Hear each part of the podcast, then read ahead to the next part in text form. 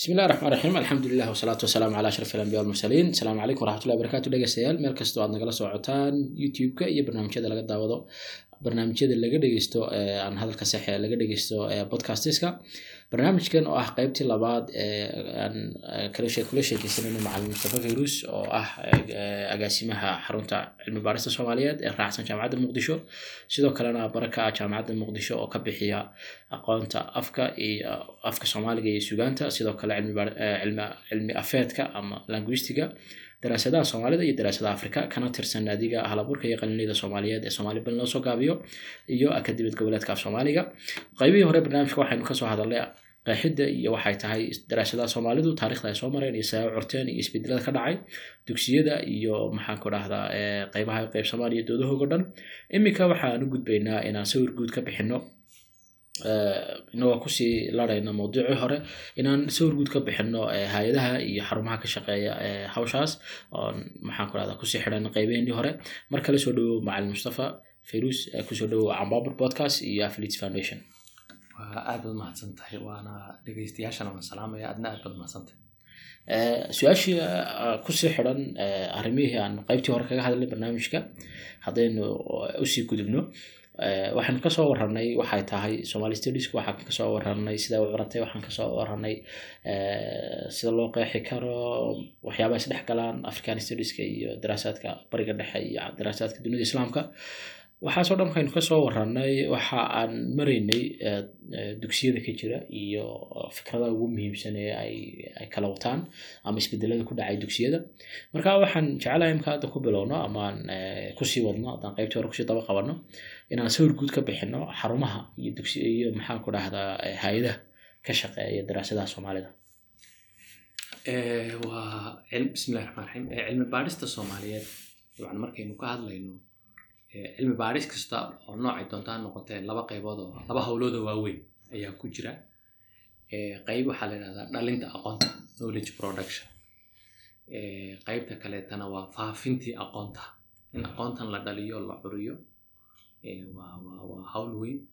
In la faafiyo oo la gaarsiiyo ummadihii iyo dadkii iyo aqoon-yahanka kale iyo dadka kale ciddii adeegsan lahayd ka faa'iidaysan lahayd iyana waa hawl kaloo weyn labada howlooda waaweyn labada baalo waaweyn ee cilmi baarista cilmi baaristu ay leedahay mar walbaba howlahaas labada howlood waxay u baahan yihiin xarumo ka shaqeeya aqoon-yahano xirfadlayaal ah oo ka howlgala xarumahaasi saldhig bay u noqonayaan qabashadii hawshaas abaabulkeeda iyo waxyaabahaas o dhan. Yani hawshaasa waxay noqonaysaa hawl aanu ku filayn qofku dadaalkiisa qofeed in uu wax weyn kaga keeno ama dhinaca dhalinta aqoonta ha noqoto ama dhinaca faafinteeda ha noqoto.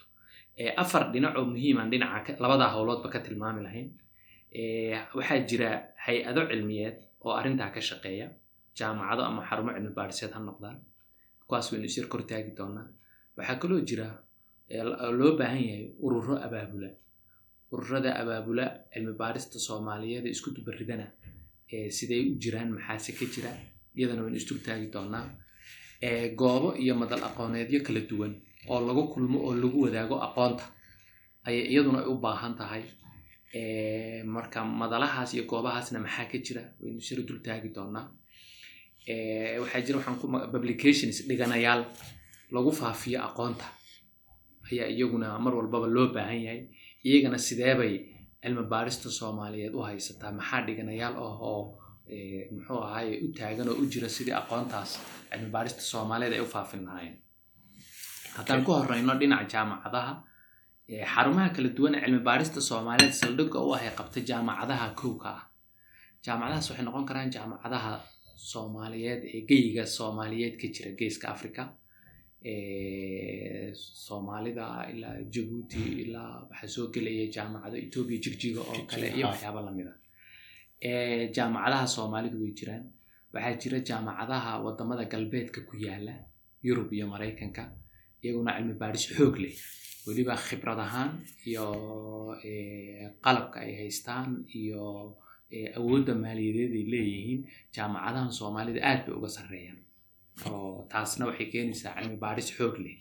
Inay sameeyaan. Yani awood bay u leeyihiin jaamacadaha carabta oo masr iyo suudan ay ugu horeeyaan gaar ahaan ardayda post graduateka diraasaadka sare master iyo p h d ga samaynaya cilmi baadhis xoog leh. Cilmi baadhis bay dhinaca ka sameeyaan dunida muslimka ayaa iyaguna jirta turkiga lafdhabarka ah oo la odhan karo shantii sano u dambeysay ama tobankii sano u dambeeyey oo iska dheh ayuu ku soo biiray. Oo yani ardaydii ugu horreysay ka baxday. Marka markii post graduateka master ama b h d uu samaynayaan cilmi baadhiso soomaalida la xidhiidha ayuu qofkii ee jaamacadaha haddaan intaa kaga baxo waxaa jira iyagana maxadyo iyo xarumo cilmi baadhiseed oo iyagu cilmi baadhis sameeya halka kuwa hore mogtay arday wax baranaysa laakiin marka ardaygu uu jaamacadda bachelarka ka baxo ama master iyo uu samaynayo waxa weeyaan wa- waxna wuu baranaya cilmi baadhisna wuu samaynaya laakiin markuu b h d ga gaaro hawshiisa ugu badan cilmi baadhis ayayba noqonaysaa mogtahay kuwan laakiin waa xarumo cilmi baadhiseed oo dad aqoon-yahano xirfadlayaal oo shaqo maalmoodkoogu yahayba inay cilmi baadhis sameeyaan oo hawshaas u samaysan baa jira. Maxadiyada iyo xarumahaas kala duwan qaarkood si guud bay cilmi baadhista soomaaliyeed u qabtaan. Qaarkoodna takhasusyo kala duwan ayay dhinacyo gaar ay xoogga saaraan.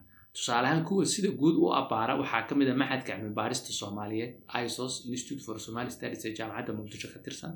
Isagu arrimaha soomaalida oo dhan in la baaro ayuu u samaysan yahay labadii kun iyo koodii baa la sameeyey. Dabcan waxaa jira macadyo arrimaha siyaasadda xoogga saara oo sidaa u samaysan. Macadka heritage ee daraasaadka siyaasadda ayaa ka mid a oo muqdisho xaruntiisu tahay.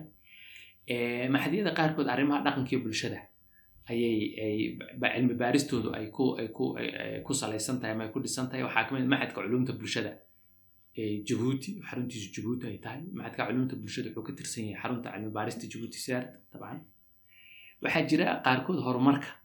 Yani macadka sidra ee xaruntiisu garowga tahay wuxuu ka shaqeeyaa horumarinta. Marka cilmi baarista horumarinta la xidhiidha horumarintaas ama mid dhaqaale ha noqoto ama mid siyaasadeed ha noqoto buu xoogga saaraa oo mudnaanta siiya waxaad ku arkaysaa xarumo xoogga saara nabadda waxaa ka mid ah akademiyada nabadda iyo horumarka ee hargeysa ee xarunteedu ay tahay qaarkood waxay xoogga saaraan cilmi baaristoodu ay ku salaysan tahay af soomaaliga. Waxaa ka mid ah akademiya goboleedka af soomaaliga oo xarunteedu ay muqdisho tahay markii horena ay jabuuti ahaan jirtay. Waxaa kaloo ka mid a maxadka daraasaadka af soomaaliga iyo suugaanta oo ka tirsan jaamacadda jigjiga oo jigjiga ku yaalla waxaa ka mid a maxadka afafka jabuuti oo isagu af soomaaliga iyo afka canfarta iyo ka wada shaqeeya. Marka af soomaaliguna uu halkaa uu ka mid yahay innaga ee, cilmi baarista soomaalida af soomaaliga ayaan halkaa aynu ka soo gelaynaa. Marka waxaad arkaysaa xarumahaasi iyo iyo iyo macadyadaasina cilmi baarista iyaguna way sameeyaan oo waxay ka mid yihiin qalabka iyo gacmaha cilmi baarista sameeya ee lagama maarmaankana u ah cilmi baaris si loo sameeyo. Ee, qolada kaleeto waxa weeyaan ururada abaabula. Waa inuu jira cilmi baaristaas si loo sameeyo ururo abaabula chapterkii cilmi baarista soomaaliyeed wixii loo sameynayba toddobaatan sideedii ee, waa in aqoon-yahanada cilmi baarista samaynaya iyo xarumaha cilmi baaristaas ka shaqaynaya waa in abaabul uu jira aqoonta ay ku wadaagaan laisdhiirigeliyo la faafiyo noocaas oo kaleeto haddaan kaa dhex gala yani ururadaasi waxaan u fahmay in isku keenayaan aqoonyahanka iyagu. Urur ay aqoonyahanka ku jiraan. Ha ha ha waxaa xubno ka ah waa aqoon yacni ma odhan karno aqoon-yahanaha xubno ka ah oo ma aha dhinaca marka loo eego ee, xarun lagu biirayo. Laakiin waxa waa tiro kooban oo aqoon-yahanaha oo isu xilqaamay si ay hawl u abaabulaan. Markay hawsha abaabulaan ba waxaa ka soo qayb gelaya boqolaal aqoon-yahan. Boqolaalkaasi hadday doonaan xubno kama ah. Waxaa laga yaabaa dadka hawsha loo xil saaray inay yihiin guddi toban qof ah ama shan qof. ah ama noocaas oo kaleeta ah laakiin waxay soo abaabulayaan dhowr boqol oo xarumaha kala duwan ah oo wixii bay u hawl yaraynayaan marka eh, marka african studies way leedahay ururka noocaasa ethiopian studies way leedahay ee somali studiesna waxaa loo sameeyey kun sagaal boqol toddobaatan iyo sideedii. Maraykanka lagu sameeyey sida aan tilmaamay samayntiisa dabcan waxaa la isla gartay abriil waxaa isku yimid aqoon-yahano soomaali iyo dad aan soomaaliba ahayn oo laakiin cilmi baarista soomaaliyeed ay ka dhaxayso. Sideedii bay isugu yimaadeen. Markaasaa waxay sameeyeen marka ururkaas ay ku magacaabeen ururka caalamiga ah ee cilmi baarista soomaaliyeed. Marka la soo gaabayna magaciisa s s i a loo soo gaabiyo meeshii cilmi baarista africa ay ka socotay oo isugu yimaadeen bay ku sameeyeen dabcan baltimore maryland waddanka maraykanka shirweynihii ugu horreeyey ama aqoon-isweydaarsigii ugu horreeyey ee ay ku magacaabeen shirweynaha caalamiga ah ee koowaad cilmi baarista soomaaliyeed waxaa la qabtay bishii juulaay sideetankii muqdisho lagu qabtay waxaa la qorsheeyey marka ururkan cilmi baarista soomaaliyeed ee caalamigii inuu qabanqaabiyo saddexdii sanaba mar shirweyne ama congress weyn aqoonyaha cilmi baarayaasha caalamku ee arrimaha soomaalida baadhaa ay isugu yimaadaan aqoontooda ay ku wadaagaan. Mid walba hawshuu wada uu ku soo bandhigo wixii uu ka gungaadhay uu helay uu sheego aqoontaa lagu wadaago oo markaa dhinacna waxay ka tahay qofkii aqoontiisii u waday waa layska warhaynayaa si ayna u noqonin hawl isdulfuusho oo hawl qof u waday qof kale. Dhinacna way iskaalmaysanayaan. Dadkii isku wax ka shaqaynaya meel ay isku arkaan bay noqonaysaa marka waa dhinaca marka waa naadigaas waa goob waa madal. Dhinac kaleetana waxay ka noqonaysaa faafintii iyo publicationkii. Arrintan faafintoodii bay qayb ka gelaysaa iyo ay muxuu ahaaye marka waxaa la qorsheeyey saddexdii sanaba mar in shirweyne lagu soo bandhigay marbaba cilmi baarista soomaaliyeed in la qabto. Laba jeer marka dibadda lagu qabto marka saddexaadna in dalka lagu qabto baa berigaa lagu heshiiyey. Kii koowaad waxaa lagu qabtay muqdisho juulaay kun sagaal boqol iyo sideetankii afartan guuradiisaan sheegay shirkaas. Waxaa loo dabaaldegay ururkaas waxaa loo dabaaldegay afartan guuradiisii labada kun iyo sideed iyo tobankii. Shirweynihii saddex iyo tobnaad ee lagu qabtay hargeysa ee cilmibaarista soomaaliyeed.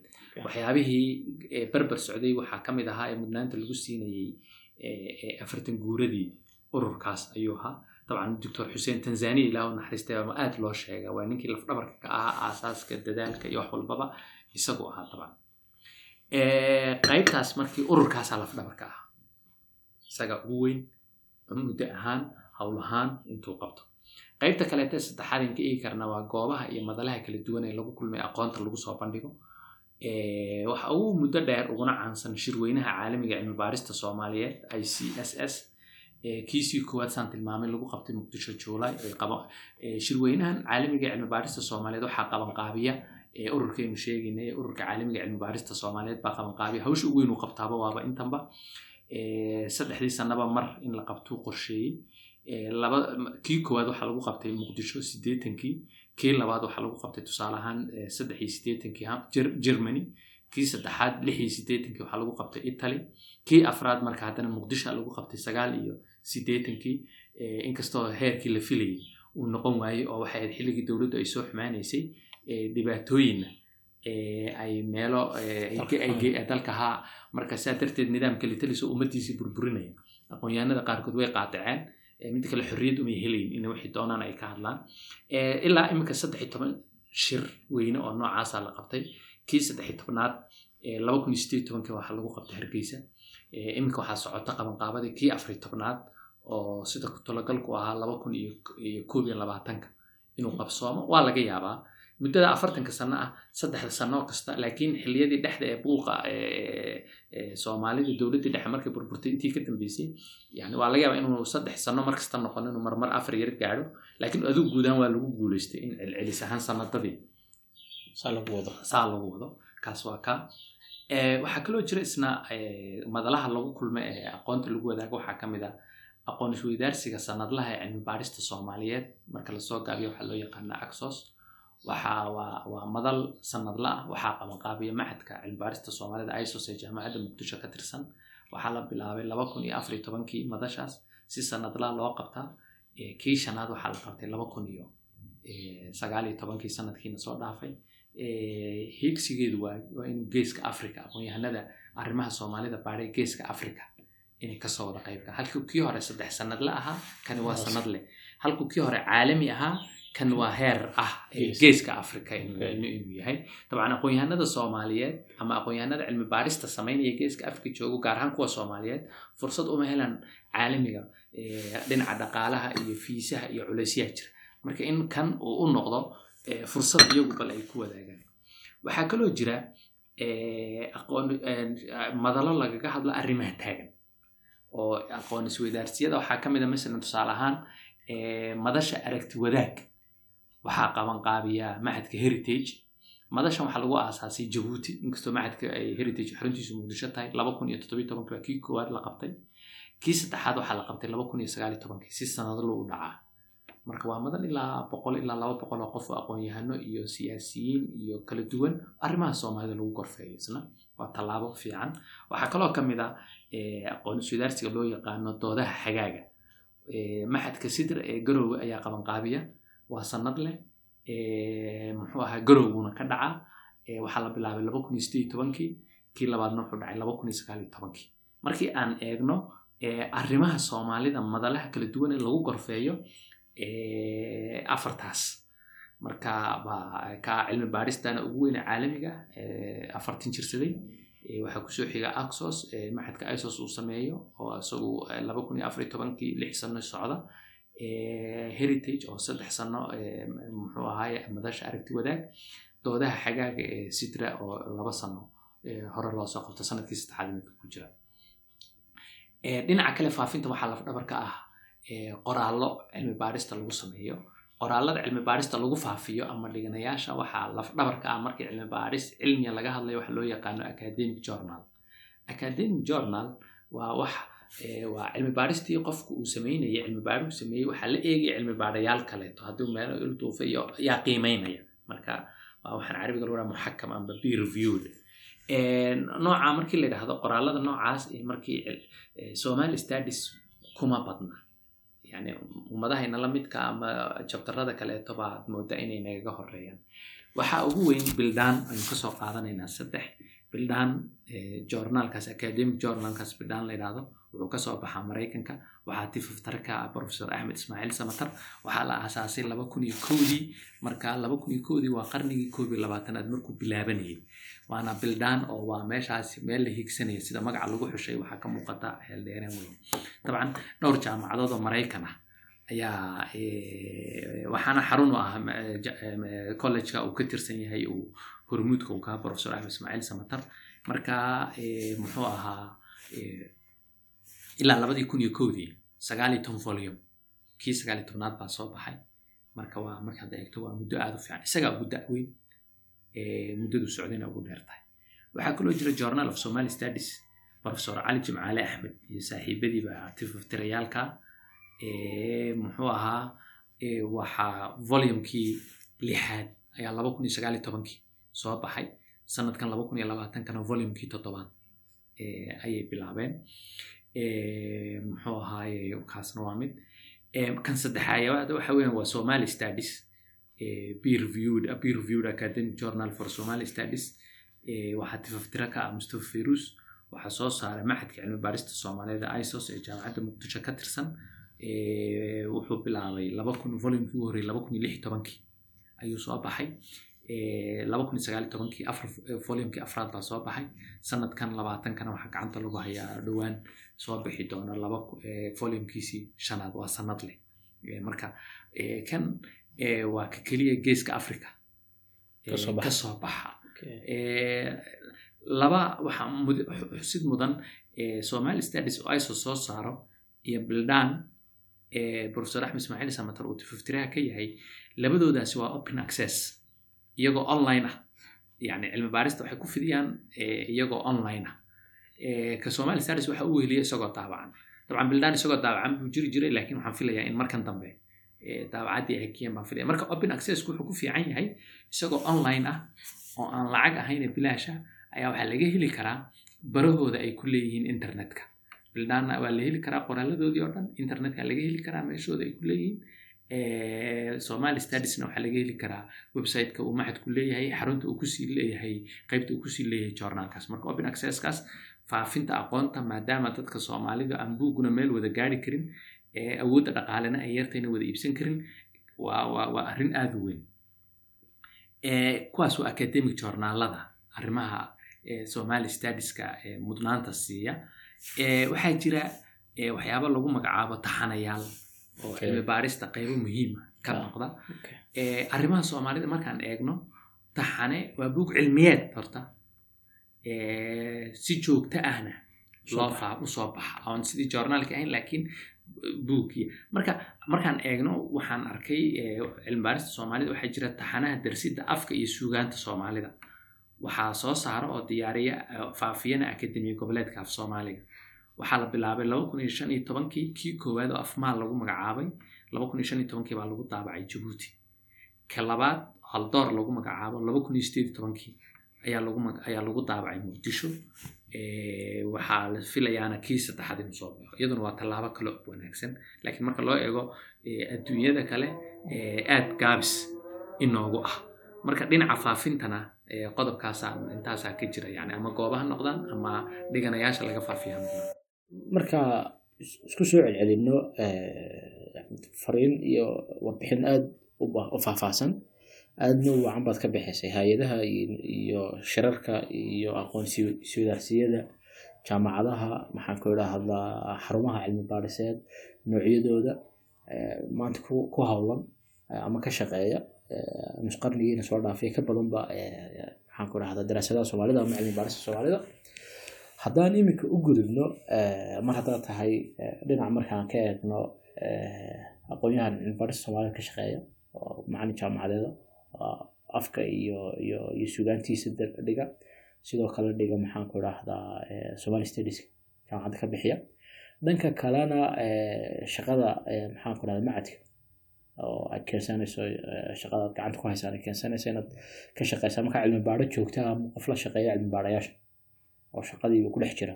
Ardaydii iyo wax dhegeystiina ku jira.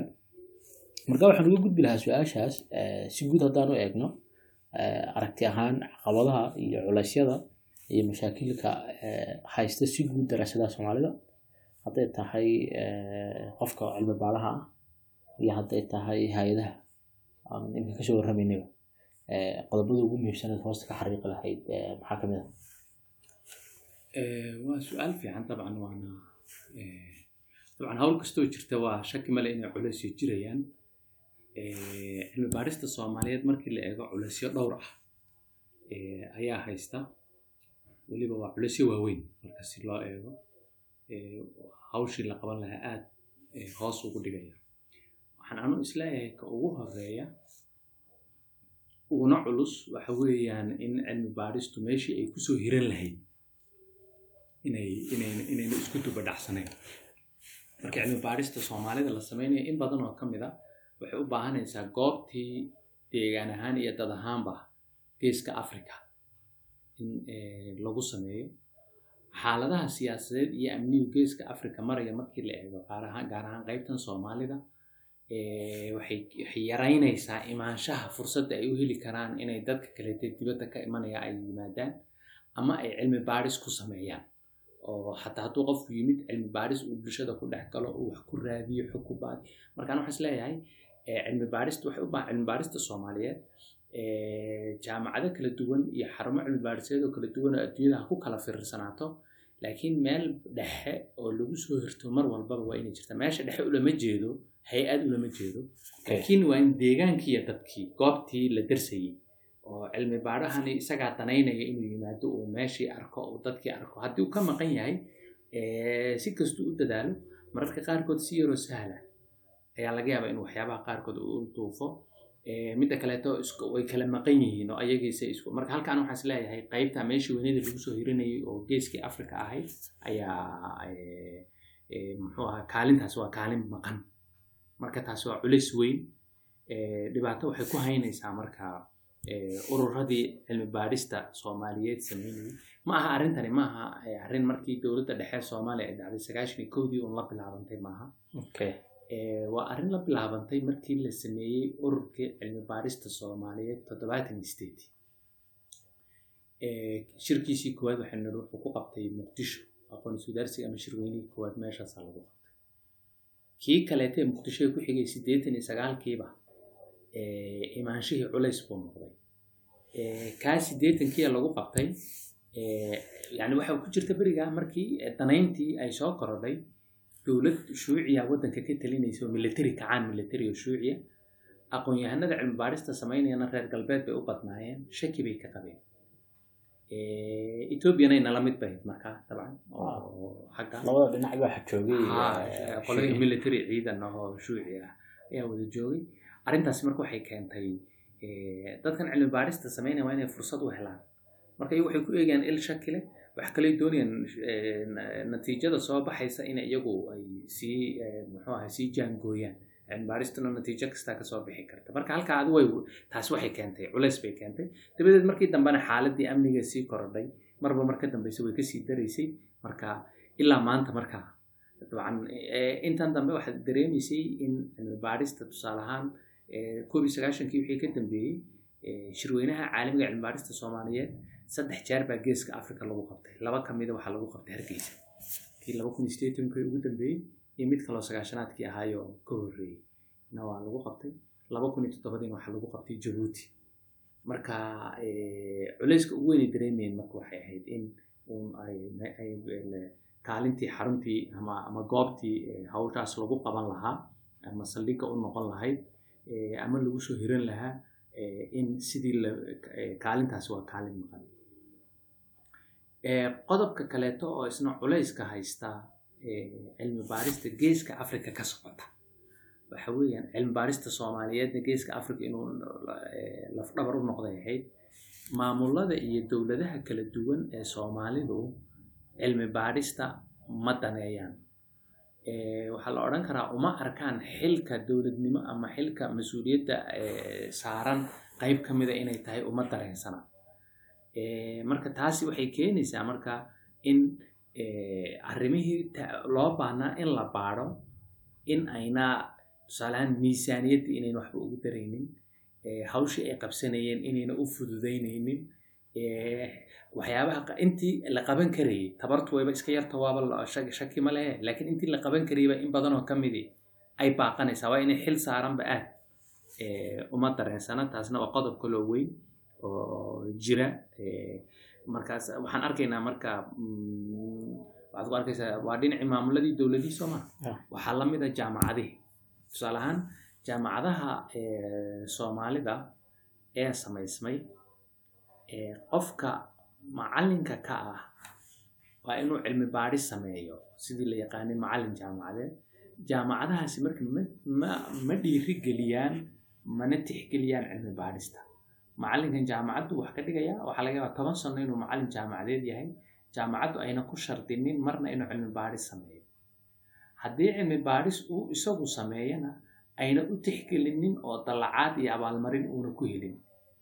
Jaamacadaha adduunyada waxaa lagu yaqaanaa jaamacaddu qofkan macallinka ka ah waxay ku shardidaa oo shardi asaasi ah in markuu intaa joogaba cilmi baadhis uu soo saaro lagama yeelayo intaasoo sanaad macallintaa cilmi baadhisna maad samayna tare noloshu way socotay marka noloshii aqoontaadii maad kobcin ardaydii marka arday tayale ma soo saaraysid hadduu cilmi baadhis sameeyo oo cilmi baadhistaasi la publish gareeyo oo la faafiyo waxaa lagu siiyaa dallacaad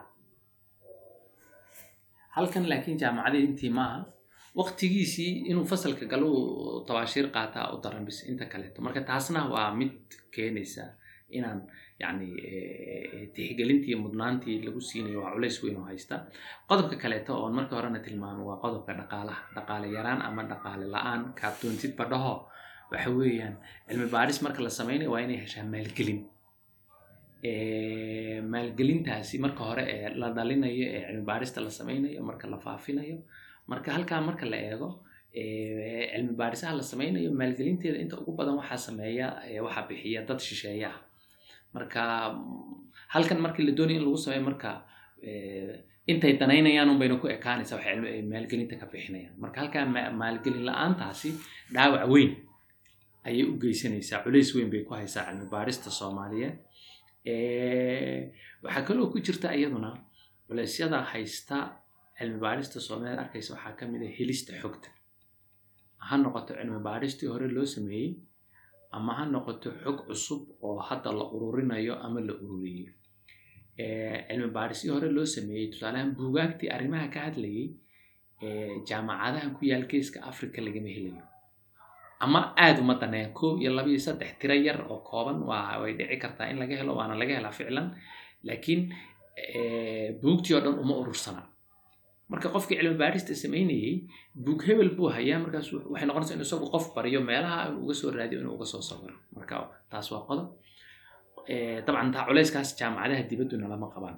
Jaamacadaha ama yurub ku yaal ama maraykan ku yaal ama wadamo waxa weeyaan iyagu xarumo waaweyn oo resource centers waaweyn oo maktabado waaweyn librariyo waaweyn oo heli karaan bay Eh, ta kaleeto waxa waa xogtan loo baahnaa in la ururiyo. Eh, xogtaasi noocay doonto ha noqoto xog ama dhinac. Haddii la darsayo dhaqaale siyaasad bulsho xog fara badan oo arrimahaas taabanaysaa jirta xogtaas cid iska xil qaanta oo ururisaa ma jirto.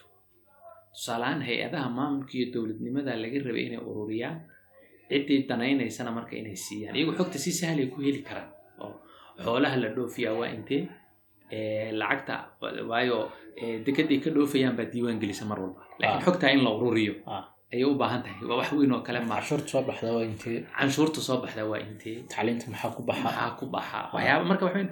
Halkaa xogtii noocaas ahayd bulshadan marka laga hadlayo dembiyada ka dhaca intee bay la eg yihiin. Furitaanku intee buu la eg yahay. Ee, dhaqaaluhu intee buu kobcay ee, waxyaabo fara badan oo ama dhinacyo dhaliila ah ama dhinacyo kaleeto oo kobac lagu farxa ah intaba dusha markaad ka eegto way ka muuqdaan laakiin markii la yidhaha nambaraha laga dhigo ee, meelo tixraac ah ee, lagama helo oo aad u yar yihiin ama lagamaba helaba. Taas waa dhaliil weyn. Waxaa kaloo ku jirta xogta qaarkood way jirtaa laakiin ee, in lagu in cilmi baadhaha lala wadaago culays baa ka jira tusaale ahaan waxaa ka mid a shirkado ganacsi baa jira. Shirkadaha ganacsiga markaad u tagto cilmi baadhuhu uu tago xogta uu weydiiyo iyagu xogtoodii way haystaan. Ah, laakiin xogtooda kulama wadaagayaan sababo gar ihina way ku jiraan sababo aan gar ahayna oo dhaqanka la ku- waxaan muu arki jirin. Laakiin sababo gar ah way kuu sheegayaan way ku jirta xog leh. markaan anigu xogtayda qofka cilmi baadhaha la wadaago cilmi baadhistiisii uu ku samaystay wuu ku samaysanayay laakiin inuuna si kale u adeegsanin yaa damaanad qaadaya.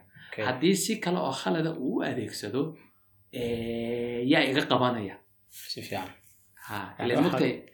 Mar walba dowladdu dib ugu noqonaysaa ciddi kale ilaalin lahayd. Iyo sharcigii Ha, iyo sharcigii oo waxaa ku jirta qofkani xog shirkadani ay lahayd oo uu ballan qaaday inuu cilmi baadhis keliya u adeegsanayo uuna si kale loo adeegsan doonin cid kalena uuna la wadaagi doonin ayuu si sahal ah markuu cilmi baadhistiisii ka dhammaystay buu wuxuu samayn karaa inuu cid kale la wadaago ama si kale u faafiyo. Iyagii marka haddii ay soo dacweeyaan sharci lagu qabto iyo maamulkii u qabanayay hadduu maamulku jirana sharciyo arrimahan dembiyadan gaar u ah. Labadiiba ha ma meeshii ma yaalaan. Ama midba maqan ama labadiiba na isla helin ama labadii baan la islayn marka shirkadda wuxuu iska doorbidaya marka inuu xogtiisa iska qarsado ama xog yaroon wax weyn kuu tarayn uu ku siiyo mararka qaarkoodna xadka laga yaabaaba inay yani waxaa la mid a maamuladii marka xataa taas waa shirkadii mogtay Ah. maamulada dowladda marka la- la- loo tago xog la weydiiyo haddii qofkan qof kale is yaqaanaan iyo galaangal kale iyo aadan u doonanin aadan la kaashanin culays baad kala kulmaysaa xogtii inuu si siday ahayd inuu kuu siiyo. Dabcan wixii sir ah lagama hadlayo waxyaaba dowladuhu sir way yeelan karaan mogtahay wax siraba lagama hadlayo. Ah, waa xog caadi oo iska jirta. nolosha caadiga sir maaha moogta ha Ah, nolosha bulshadu marka inaad xog raadinaysu la yaaban yahay markaasa waxa laga yaabaa inuu doonayo eh, muxuu ahaayey marka mararka qaarkood waxa laga yaabaa xog majara habaabin ah. Inuu ku siiyo ama mid aan hubanayn dhan kale ama mid aan sugnayn. Mm. Eh, marka ama waxaa laga yaabaa in filing systemki inaynaba u kaydsanaynba. Oo xogti way jirtaa laakiin wuxuu ku leeyahay halkaasay ka buuxdaa wada dhas intaasoo sano iska taallay marka ma hamaysnaba si sahlan kuma soo heli karo marka culeysyada xogta helistoodu iyaduna waa culeysyada tirakoobyadii baa ka mid a marka taasna waa culeysyada jira. Culeysyada ugu dardaran way iska jiraan culeysyo kale laakiin culeysyada ugu daran inahaas ayaa ka mid aan odhan lahaa. Inagoo culashada ka amba qaadayna waxaad is leedahay kor buu socdaa wax soo saarka daraasada ee cilmi baarista soomaalidu mise waxaad is leedahay hoos u dhac buu ku socdaa dhanku garaafku socdaa maanu waxaan is leeyahay waa su'aasha laftirkeedaba la yaab leh Ah, Eh, cilmi baarista soomaalida ama cilmi baarista soomaalida markaynu eegno muddadan dambe garaafkeedu saru u socdaa si guud markaynu si u qiimayno garaafku saru u socdaa tira ahaanna saru u socdaa tay ahaanna saru u socdaa shakina male taas oo tusaale ahaan markaynu ka hadlayno jaamacadahan geyiga soomaaliyeed ka dhisan labaatankii sano u dambeeya la aasaasay labaatankii sano u dambeeya baa la aasasay tii ugu horreysay sagaashan iyo toddobadii wixii ka dambeeyey waa labaatankii sano u baa la aasaasay Eh, jaamacadda jabuuti labadii kun iyo waxaa la aasaasay lixdii jaamacadda jigjiga labadii kun iyo shantii baa la aasaasay Eh, markaynu ka soo hadlaynay xarumaha cilmi baarista ah aynu sheegaynay kulligood waxaa la wada aasaasay rubuc qarnigii u dambeeyey baa la wada aasaasay jaamacado toddobaatanaadkii sideetanaadkii jaamacadda ummadda soomaaliyeed oo muqdisho ku taalo mid keliya ahayd ayaa ka jirtay haddana waxaa ka jira intaasoo kaleeto oo ka duwan oo tiro ahaan ardaydii tiraday qaataan ka badan waxyaabahaas marka markaad u eegto post graduatekii leeyihiin uu ka badan yahay. Markaynu ka hadlaynay aragtiyadii kala duwanaaye kobcayay. In dood socota iyo maskax laga shaqaysiinaya ay ahayd. Oo ayaa ka muuqata. oo markaynu muxuu aynu eegno tobankii ama labaatankii sanaba mar ku soo biiraysay markaynu ka hadlaynay dhiganayaasha kala duwane ama academic journalskii ama taxnayaashii kulligood waa labaatankii. Bildaan baa ugu daaweyn waa labadii kun iyo kowdii. Inta kalena way ka sii dambeysay. Marka dhinaca marka loo eego garaafku sare u socda. Dabcan taas macnaheedu maaha in sida xawligu ku socda inuu ku sii socon doono laakiin un garaafku sare u socda. Culayska ugu weyn iyo challenge ugu weyn ee qabsanaya marka waxayn kobacaasi sidii loo joogtayn lahaa loona tageyn lahaa waa in la aqoon isweydaarsigan ama shirkan sanadlihii u jiraa waa in la tayeeyaa. Waana in la joogteeyaa oo markii laba jeer saddex jeer afar shan sano markii la qabto kadib aan laga tegin. Labadaaba waa laba challenge cusub joogtaynta iyo tayeynta. Marka laakiin guud ahaan garaafku saru ayuu socda waxaa jira su'aal aan islaha qaybtan ay ku soo xidhanto. Iyo mid iyada uun lamida oo xagga hore arrinan ka soo hadlayna la xidhiidha arrimahan daraasadahan waa socdaan waxaa institutionadii korayaan jaamacadii hadday tahay maxaan ku idhaahdaa hadday tahay doodihii hadday tahay wax soo saarkii dood cilmiyadyada shirarkii. Marka arrimaha hadda la derso maxaan ku idhahdaa hadda daraasadu ku socdaan ama mawduucyada imika doodaha iyo wax qoraalka iyo daraasadu ku socdaan. Waxaa ka mid ah baan ayaan isweydiinaynaa waxaa kaloo rabaa inaan ku xidho xaggii hore markaynu qeexaynay daraasadaha soomaalida ama cilmi soomaalida waxaanu sheegnay in area study tahay daraasad dhinac deegaan marka dadkii dhaqankiisa iyo noloshiisa darsiisa laakiin faylalka kale aqoonta matalan social scienceska ama humanities waxaan intee fayl bay la xidhiidhaa masalan linguistica waanu taabanay waxaan taabanay anthropologyga waxaan taabanay historyga. Marka faylasha la xidhiidho intee legba gaari karaan? Haddaan tirino inta yani la soo qaban karo kuliyadaha aqooneeda la xidhiidha u jeedaa iyo arrimaha imika la derso horta arrimaha haddaynu ku horeyno waxay la xidhiidhaa qodobadii horeynu soo sheegnay oo baahida cilmi baadhistu way jirtaa. Dadka mas'uuliyaddii xilku uu saaran yahay waa inay dareemaan inay baahi jirto dabadeedna ay qorshe iyo miisaaniyad u sameeyaan. Danayn maamul inuu wax danaynayo inuuna danaynayn waxa lagu gartaa miisaaniyadda loo qorsheeyay waayo dadki wax yaqaanayna waa la helaya haddaadan aduu hayna waad soo dibaddaad kala iman kartaa shaqana waad qaban kartaa. Marka waa laga yaabaa hadal iyo aftahnimo weyn in wax lagu sheego laakiin aan miisaaniyadda lagu darin. Taas wax qabad maaha dabcan. Marka markaynu eegno waxaa muuqanaysa in soomaalidu maamuladeeda iyo wax oo dhan isku wada dar danayn badan inayna siin. Taas waxay keentay marka cilmi baadhista arrimaha taagan ee laga hadlayaa ama cilmi baadhista arrimaha laga hadlayaa in dadka lacagta bixiyaa waxay danaynayaan la sameeyo. Tusaaleahaan jaamacadaha reer galbeedku arrimo ay soomaalida ka danaynayaan baa jirta. Arrimaha ay soomaalida ka danaynayaan waxaa ka mid ah hijrada iyo tahriibka. Dad badanoo soomaaliyeed baa hijrooda ama u tahriiba wadamadaas marka iyagaa midooda yurub baa lacag ku bixinaya jaamacadu lacag siinaya waxay soo darsayaan. Dadkan maxaa ku kalifay inay soo tahriibaan? Tahriibkan sidee lagu baajin karaa? Wadooyinka ay adeegsadaan ee in wax laga qabtaa kamida maxaa kamida sidee wax looga qaban karaa? Yani projecti noocaas oo dhowr sano ay wadi jirtay jaamacadda soas ee london ku taala marka taasaa ka mid ah qodobada ay darsayaan waxaa ka mid a tusaaleahaan qurba joogta qurba joogtan soomaalida ee dalka yimid sidee bay ula qabsan karaan bulshadan ay dhex yimaadeen? Ilan dadkii hadday nolosha ka dhacaan ama dhibaato waxa weyn dadkii kalena way dhibayaan iyaguna way dhibtoonayaan. See bay ula qabsanayaan? Marka waa waa culays haysta iyaga.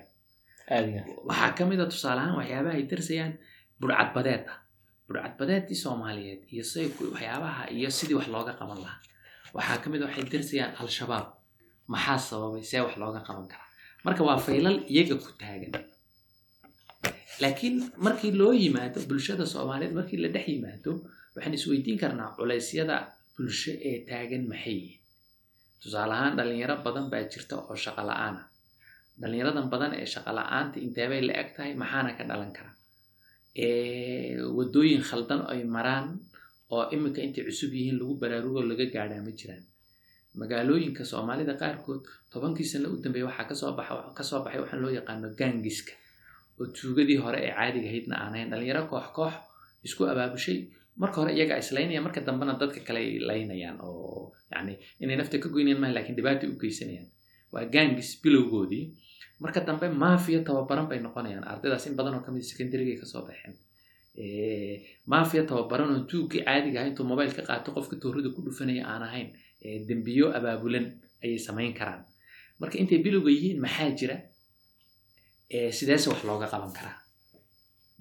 Waxay u baahan tahay marka in magaaladii ay waxan ay ka dhacayeen dowlad hoose ay leeyihiin oo canshuur dadka ka qaata dowlad dhexay leeyihiin oo canshuur dadka ka qaata in ay ku bixiyaan lacag awoodooda aan ka badnayn jaamacadda magaalada ku taala ay lacagtaasi u qoondeeyaan in jaamacaddaasi cilmi baadhis ay ka samayso qolooyinka masterka diyaarinaya loo diri karaa macallimiinta dhigaya jaamacadda ayaa shaqada qaban kara.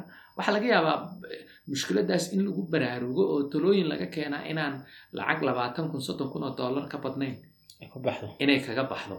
Wayna ku xaflad dowladda hoose ay qabataana lacagtaas ay kaga baxaysa. Laakiin dhalinyaradan gaangiska abuurmaysa iyo sidii wax looga qaban lahaaba waxa laga heli lahaa talooyin wax u tara dadka waa tusaalooyin moogtahay waxaa ka mid a dhalinyaradeenna marka la eego si baynu u barbaarin jirnay. Iminka nolosha casrigu si kale noqotay waalidkii iyo dhalinyaradii way kala go'aan. Waxaa laga yaabaa inuu internetka ku xidhan yahay. Marka waxaa barbaariya dadka.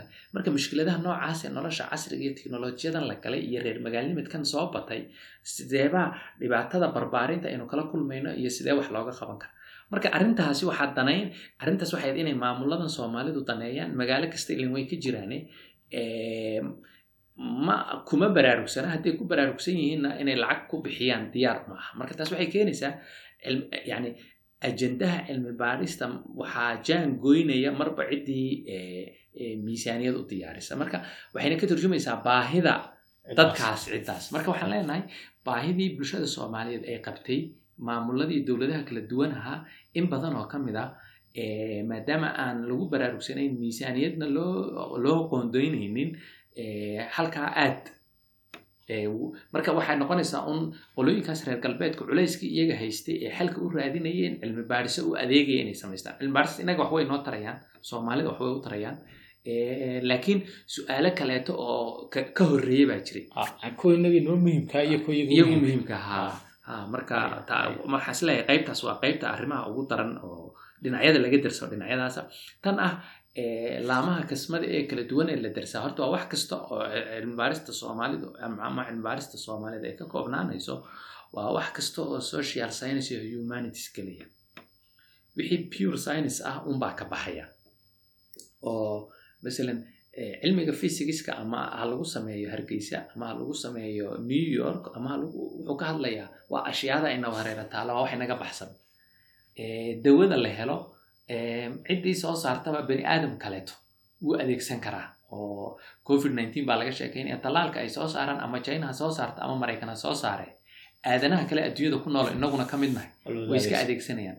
Laakiin taariikhda soomaalida iyo waa ayo waxweyn inagun bayna khusaysaa. Dadka kaleeto markay doonayaan in fahmaan bay khusaysaa.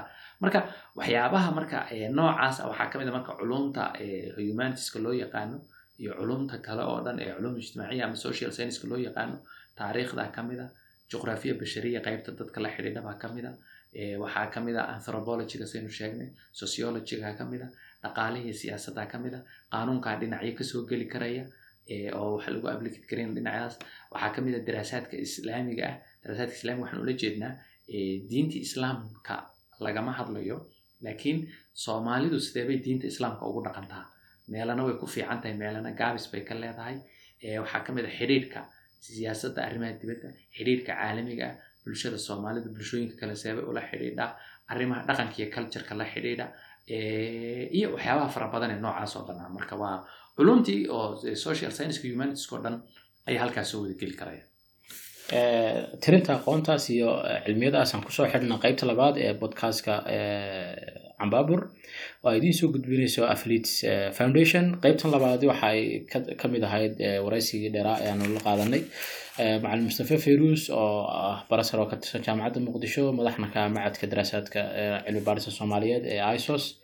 Qeybta saddexaad waraysigan waxaan ku soo qaadan doonaa qaybta saddexaad ee wareysiga waxaan ku soo qaadan doonaa arrimaha la xiriira think tankska ama goobaha aqoonta lagu dhaliyo iyo daraasaadka soomaalida iyo waaqicooga aad baad mahadsantiin dhegeystayaal dhegeysigiina wacan iyo waqtiga fiican aad nala qaadateen barnaamijkan qeybihiisii hore iyo qeybihiisa dambe waxaad kala socon kartaan meel kasta oo aad ka dhegeysato podcastka google podcast apple podcast soundcloud anywhere aad wax kasta ka dhegeysato sidoo kale waxaad kala socon kartaa youtube-ka isaga iyo barnaamijyadeeda kaleba waxaan mahad naqaynaa macalin mustafa oo anigo raaga oo idinle asalaamu calaykum waraxmatullahi wabarakaatu waa inoo iyo qeybta saddexaad